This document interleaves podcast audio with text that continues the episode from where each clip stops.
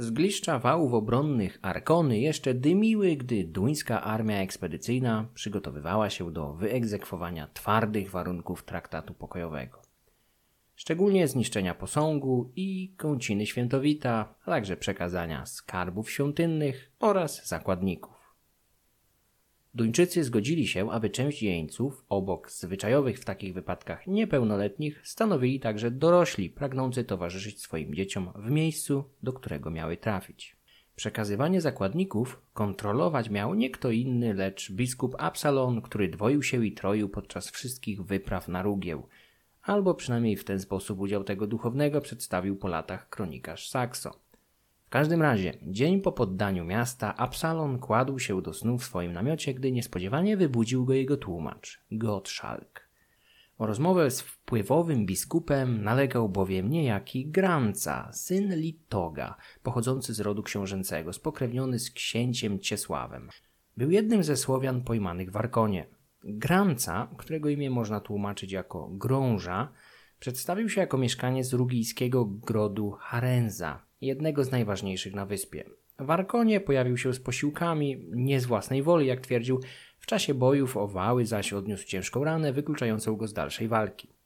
Granca zaoferował Absalonowi siebie w roli wysłannika do głównych sił słowiańskich skupionych wokół książąt w Harenzy, mających pod swoimi rozkazami rzekomo 6 tysięcy mężczyzn gotowych walczyć z Duńczykami. Słowianin miał swój dom we wspomnianym grodzie i za wszelką cenę chciał uniknąć jego zagłady. Pragnął poinformować jego mieszkańców o losie Arkony i zaoferować im jak najlżejsze warunki poddania się duńskiej władzy. Absalon szybko usmysłowił sobie, że ranny Słowianin nie stanowi żadnego zagrożenia, więc wypuszczenie go nie może być uznane za wzmacnianie przeciwnika. Postanowił więc przystać na prośbę Grancy, a jego decyzję dodatkowo zatwierdził król Waldemar. Słowianina wysłano do Harenzy z misją zebrania miejscowych książąt i sprowadzenia ich na wskazaną plażę celem dokończenia rozmów pokojowych. Duńczycy odrzucili prośbę o trzy dni rozejmu, obawiając się podstępu ranów.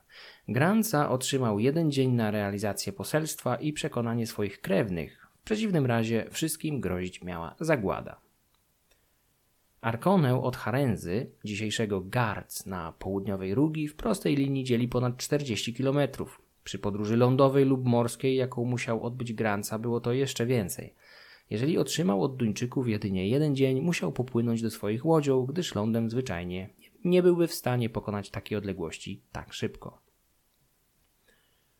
Cały dzień, który wysłannik poświęcił na swoją misję, pod zdobytą Arkoną upłynął na przyjmowaniu zakładników, okupu oraz paleniu kąciny i posągu świętowita, o czym wspominałem w poprzednim odcinku. Zadowoleni z siebie Duńczycy po pracowitym dniu przypomnieli Absalonowi, że powinien sprawdzić obietnicę Grancy, który zobowiązał się zebrać najwyższych dostojników z Harenzy na jednej z tamtejszych plaż celem podjęcia negocjacji.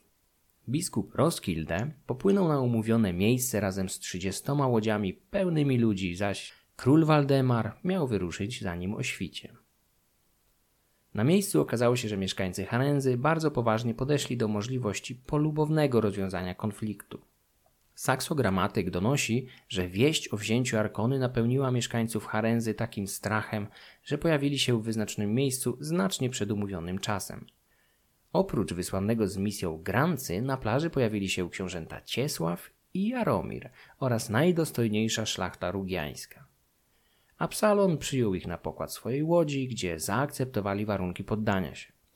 Po jakimś czasie na wybrzeżu pojawiły się statki z królem duńskim, który zaakceptował porozumienie osiągnięte przez biskupa z miejscowymi możnymi.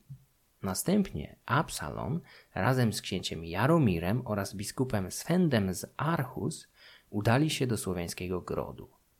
W międzyczasie brat Absalona, Esbern Snare, ten sam, który nadzorował niszczenie posągu świętowita, ugościł pozostałych możnych, nie pozwalając im jednocześnie opuścić łodzi, dopóki Absalon nie wróci ze swojej wyprawy.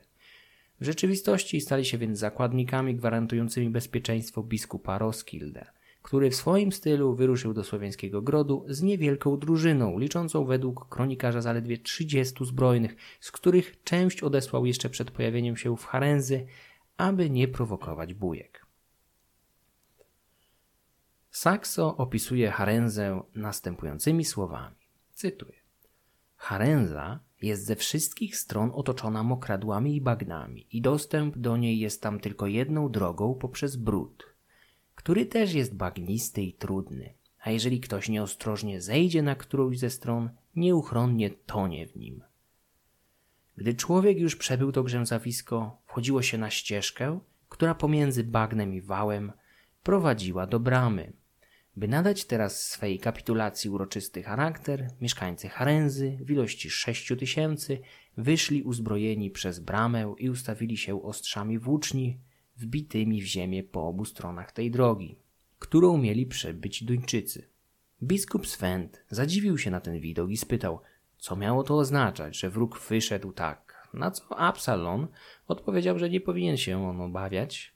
Było to jedynie dla okazania swego poddaństwa. Gdyby ich zamiarem było uczynić im szkody, mogliby tego łatwiej dokonać w mieście. Jak wielką odwagą musiał być obdarzony ten człowiek, skoro bez dalszego rozważania wątpliwości zawierzał swe życie woli uzbrojonego wroga. Wojownicy z nabraną jego przykładem odwagą, bez drgnienia powieki czy nerwowego ruchu, poszli za nim równie stanowczo co on, bowiem przy Absalonie czuli się bardziej bezpiecznie niż żywili obaw wobec ilości wroga. Gdy Duńczycy przebyli grzęzawisko i wyszli na drogę, która wiodła wzdłuż wałów, Rugianie, którzy wszędzie stali oddziałami, padli na twarz, jakby chcieli okazać cześć istotom wyższym, a po tym jak powstali ponownie, szli przyjaźnie za nimi. Także wjazd Absalona odbył się z wielką przyjemnością dla mieszkańców, którzy pragnęli wyjść jemu naprzeciw. Został przez nich przyjęty nie jak ten, co przybywał dla wykonania specjalnego zadania, lecz jako ten, co niósł pokój całemu krajowi. Koniec cytatu. Prywatnie nieco sceptycznie podchodzę do domniemanej euforii, z jaką Ranowie mieli witać Absalona, chociaż możliwe, że po latach wojen i zagładzie wielu osad na wyspie byli tak wyczerpani i przerażeni możliwością zagłady ich grodu, że przyjęli pokój z ulgą, nawet taki zakładający ciężkie warunki. Sam gród nie był zaludniony w czasach opisywanych przez Saksa. Pozostałości jego wałów przetrwały do dzisiaj na obrzeżach niemieckiej miejscowości Garz, a w obrębie tych wałów było zbyt mało miejsca, aby pomieścić tam kogoś więcej aniżeli kapłanów, obsługę świątyń i być może jakichś strażników. Z całą pewnością nie mogło tam mieszkać sześć tysięcy uzbrojonych mężczyzn z rodzinami i książętami. Ta armia zebrała się na obrzeżach grodu i oczekiwała wymarszu w kierunku Arkony. Wymarszu, który nigdy nie miał nastąpić. Część populacji tymczasowo zamieszkała w obrębie wałów, o czym dowiemy się za chwilę, ale nie było tam dla nich zbyt dużo miejsca. Nas najbardziej będzie interesował opis trzech świątyń, jakie istniały w Harenzy. Cytuję. Miasto to było znane z trzech wielce szanownych świątyń, które były wyposażone z wielkim kunsztem i przepychem. Ten szczególny szacunek, jakim darzeni byli ich bogowie, sprawił, że stali się obiektem czci nie mniejszej niż cześć okazywana wspólnemu bogowi kraju w Arkonie. W czasie pokoju miasto było raczej puste, lecz teraz wypełnione było ludźmi, którzy pobudowali sobie domy, co miały po trzy piętra, także to najniższe dźwigało piętro środkowe i najwyższe. Stały one tak blisko siebie, że nie było tam ani kawałka ziemi, na który mógłby upaść kamień w wypadku, gdyby miasto było ostrzeliwane z katapult. Lecz domy z powodu brudu, jaki tam panował, były tak pełne smrodu, że ten męczył ciała w takim samym stopniu, jak lęk męczył duszę. Także dla Duńczyków stało się jasne, że mieszkańcy nie byliby w stanie wytrzymać oblężenia. Nie dziwili się więc też dłużej, że ci tak szybko poddali się, gdy widać było wyraźnie, w jak nieszczęsnej sytuacji się znaleźli.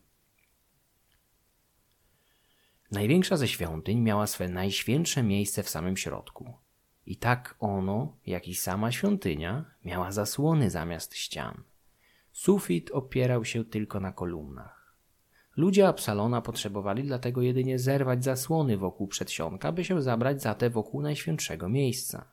Gdy zostały one ściągnięte, ukazał się tam posąg z drewna dębowego przedstawiający Boga, którego zwano Rugiewitem i który ze wszechmiar przedstawiał sobą wstrętny i ośmieszający wygląd. Mianowicie jaskółki pod jego twarzą zbudowały gniazda i w wielkich ilościach zrzucały odchody na jego piersi. Tak, ten Bóg zasłużył niewątpliwie, by jego posąg został tak wstrętnie zapaskudzony przez ptaki. Miał on siedem ludzkich twarzy, zebranych pod wspólnym szczytem głowy. Artysta dał mu siedem różnych mieczy, które wisiały w pochwach na jednym pasie. Ósmy trzymał on wyciągnięty w prawym ręku. Był on tak trwale umocowany żelaznym nitem, że nie szło tego wydostać bez odrąbania ręki, co też się stało. Był on ponadnaturalnej grubości i tak wysoki, że Absalon, stojąc na palcach, ledwie mógł dotknąć brody małym toporem, jaki miał zwyczaj trzymać w dłoni. Bóg ten, jak wierzyli, miał moc jak Mars i utrzymywali, że rządził wojną. Nie było nic w tym posągu, na co można było patrzeć z przyjemnością, bowiem był on niezgrabny i brzydki. Duńczycy poczęli teraz ku wielkiemu przerażeniu całego miasta rąbać swymi toporami z całych sił jego nogi, a gdy zostały one przerąbane, upadł korpus na ziemię z wielkim hukiem. Gdy mieszkańcy miasta zobaczyli to, wzgardzili oni bezsilnością ich Boga i swą cześć zamienili w pogardę. Wojowie z drużyny, którzy nie zadowolili się jedynie obaleniem go, z jeszcze większym zapałem wzięli się za posąg Porewita, którego czczono w następnej świątyni. Ten miał pięć głów, lecz żadnej broni. Gdy ten był już porąbany, udali się do świątyni Porenuta. Ten bożek miał cztery twarze i jedną dodatkową, która umieszczona była na piersiach. Lewą ręką trzymał on ją za czoło, a prawą podtrzymywał jej brodę. Ten padł także pod ciosami toporów służby Absalona. Absalon polecił teraz mieszkańcom spalić te posągi, lecz ci prosili go, by zwolnił on ich od tego i by miał zmiłowanie nad przepełnionym miastem i nie narażał ich na śmierć w pożarze, tak jak oszczędził ich od śmierci od miecza. Bowiem, jeżeli ogień rozszerzyłby się i zająłby się jakiś dom, bez wątpienia całe miasto zamieniłoby się w popiół, jako że domy stały tak blisko siebie. Polecił on więc im wyciągnąć go z miasta, lecz ci długo byli niechętni i usprawiedliwiali oni swą niechęć przesądem, jako że obawiali się oni, że Bóg będzie chciał ich pokarać niemocą ich członków, których użyliby do wykonania takiego polecenia. Lecz gdy na koniec Absalon wytłumaczył im, że moc Boga była w istocie niewielka, skoro nie mógł pomóc sam sobie, nabrali nadziei, że uda im się uniknąć kary i pospieszyli wykonać jego rozkaz. Faktycznie było to dziwne, że bali się oni mocy tych bogów, gdy myśleli oni, jak często byli karani przez nich za swą rozwiązłość. Mianowicie, gdy mężczyźni byli w mieście z kobietami, zdarzało im się, jak psom, że nie mogli się ponownie rozłączyć i spotykało się ich czasami zawieszonych na drągu ku pośmiewisku innych ludzi. Ze względu na ten odrażający znak, który w rzeczywistości jest sprawką szatana, czcili oni te nędzne posągi i wierzyli, że był to objaw ich mocy. By jeszcze lepiej pokazać, jak godne pogardy były te posągi, stanął biskup Swent na jednym z nich, gdy mieszkańcy wyciągali go z miasta, czym nie tylko dodał im ciężaru, lecz także powiększył pohańbienie. Nie tylko dał ludziom więcej do ciągnięcia, lecz także więcej do zawstydzenia, gdy obcy kapłan deptał stopami bogów ich przodków.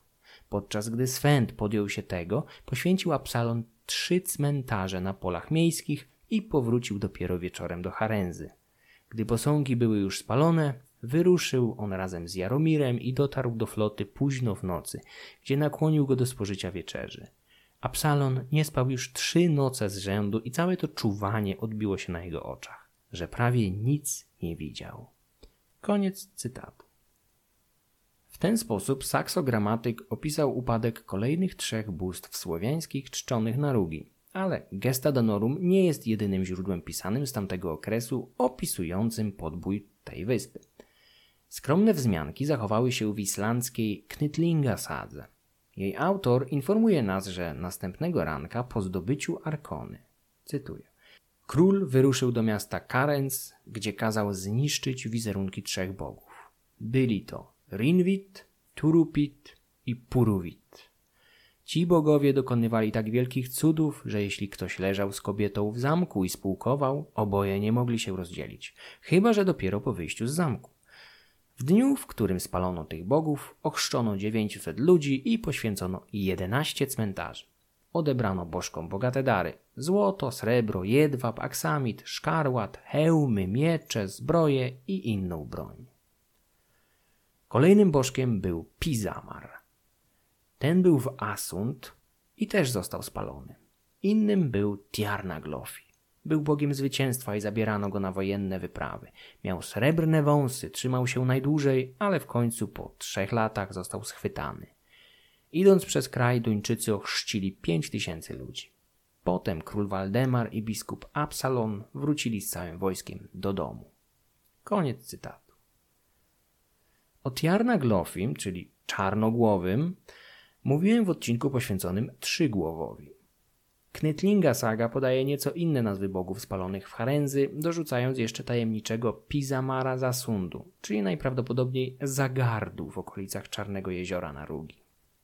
W przypadku tego źródła nie dowiadujemy się, czy podobnie jak w przypadku Świętowita, mamy tutaj do czynienia z wielotwarzowymi bądź wielogłowymi bogami, ale sądząc po szczegółowych opisach Saksa Gramatyka odnośnie trzech pierwszych, nie zdziwiłbym się, gdyby enigmatyczny Pizamar czy Tjarnaglofi również cechowali się polikefalizmem, czyli wieloma głowami, bądź chociaż wieloma twarzami. Trzyletni pościg za Tjarnaglofim może sugerować, że posągi bogów ukrywano przed duńskimi najeźdźcami, co nie wydaje się dziwne, jeśli weźmiemy pod uwagę historię złotego posążka pomorskiego Trzygłowa, darem nieukrywanego przed misjonarzami Ottona z Bambergu. Analiza nazw i właściwości samych bogów nastręczała od lat licznych problemów i kontrowersji.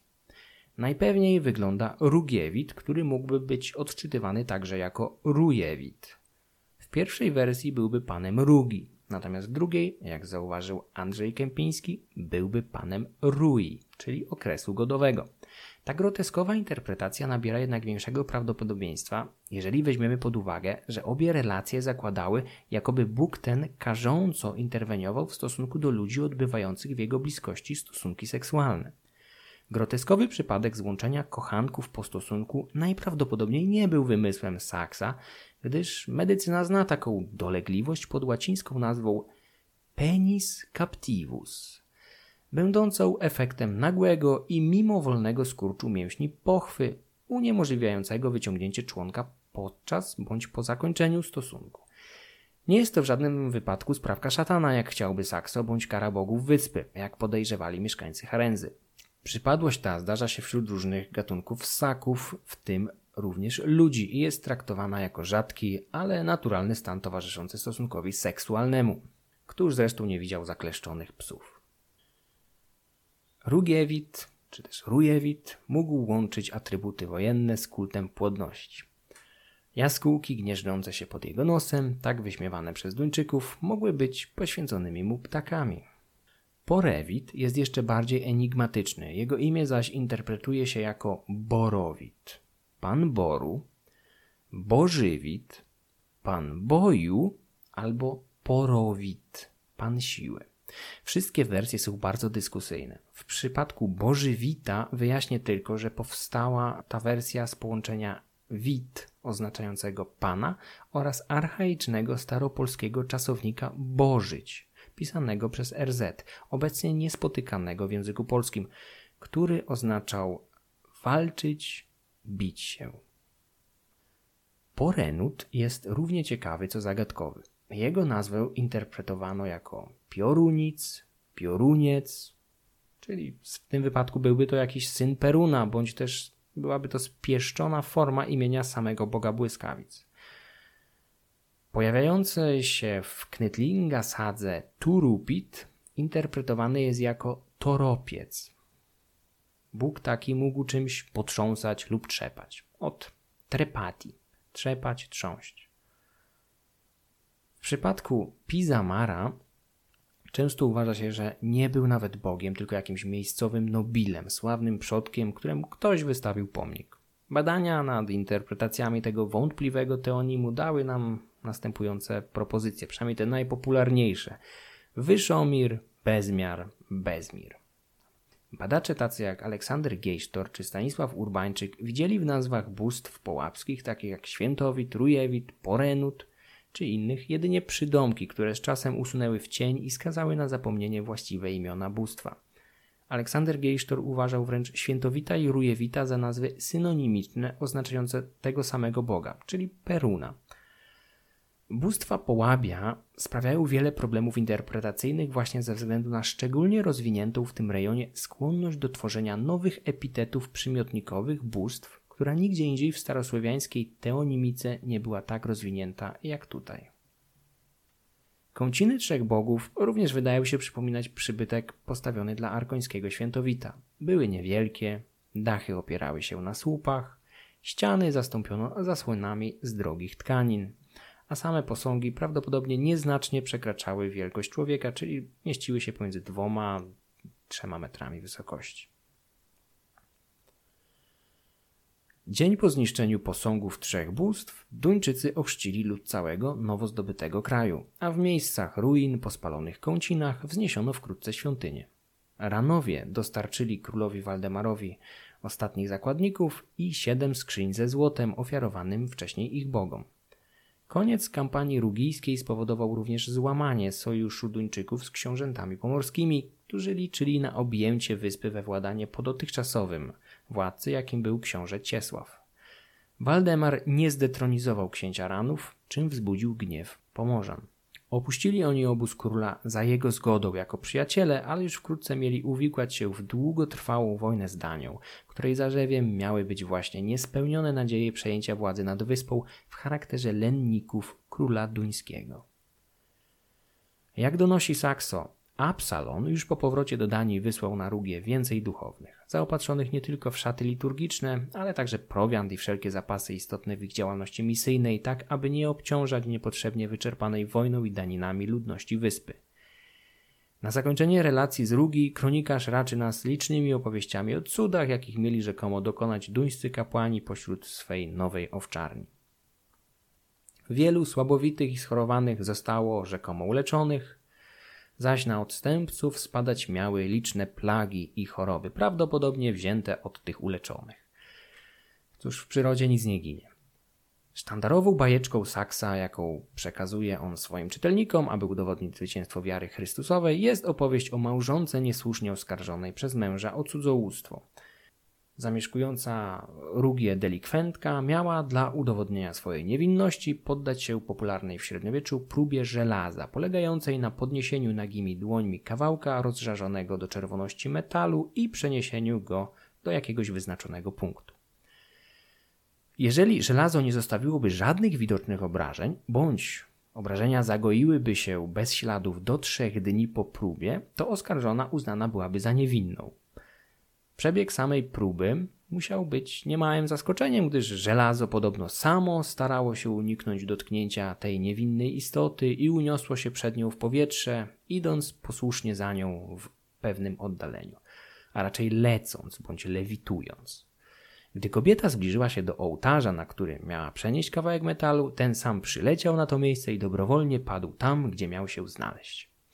Cóż, bogowie z gniazdami jaskółek pod nosem, karzący cudzołożników zakleszczeniem genitaliów, zamienili się miejscami z takimi, którzy nosili rozżarzone żelazo za oskarżonymi ku pokrzepieniu serc duchownych i gawiedzi. Nie widać tu żadnego postępu, może poza tym, że świątynie były od teraz okazalsze. Pomimo podboju wyspy, ataki pirackie na Danie wcale nie ustały, więc Duńczycy byli zmuszeni do wydzielenia jednej czwartej swojej floty celem patrolowania wód okalających królestwo. Łodzie obsadzono młodymi, nieżonatymi mężczyznami, którzy nie mieli wiele do stracenia, tym chętniej zapuszczali się w brawurowe wypady na wioski podejrzewane o sprzyjanie piratom.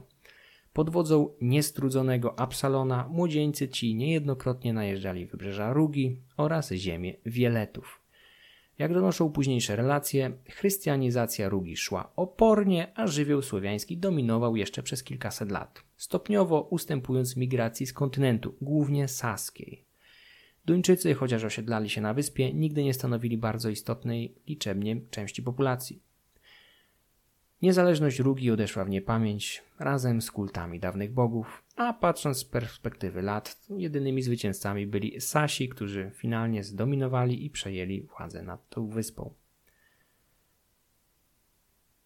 Chciałbym z całego serca podziękować wszystkim patronom tego podcastu, dzięki którym powstaje więcej dłuższych odcinków.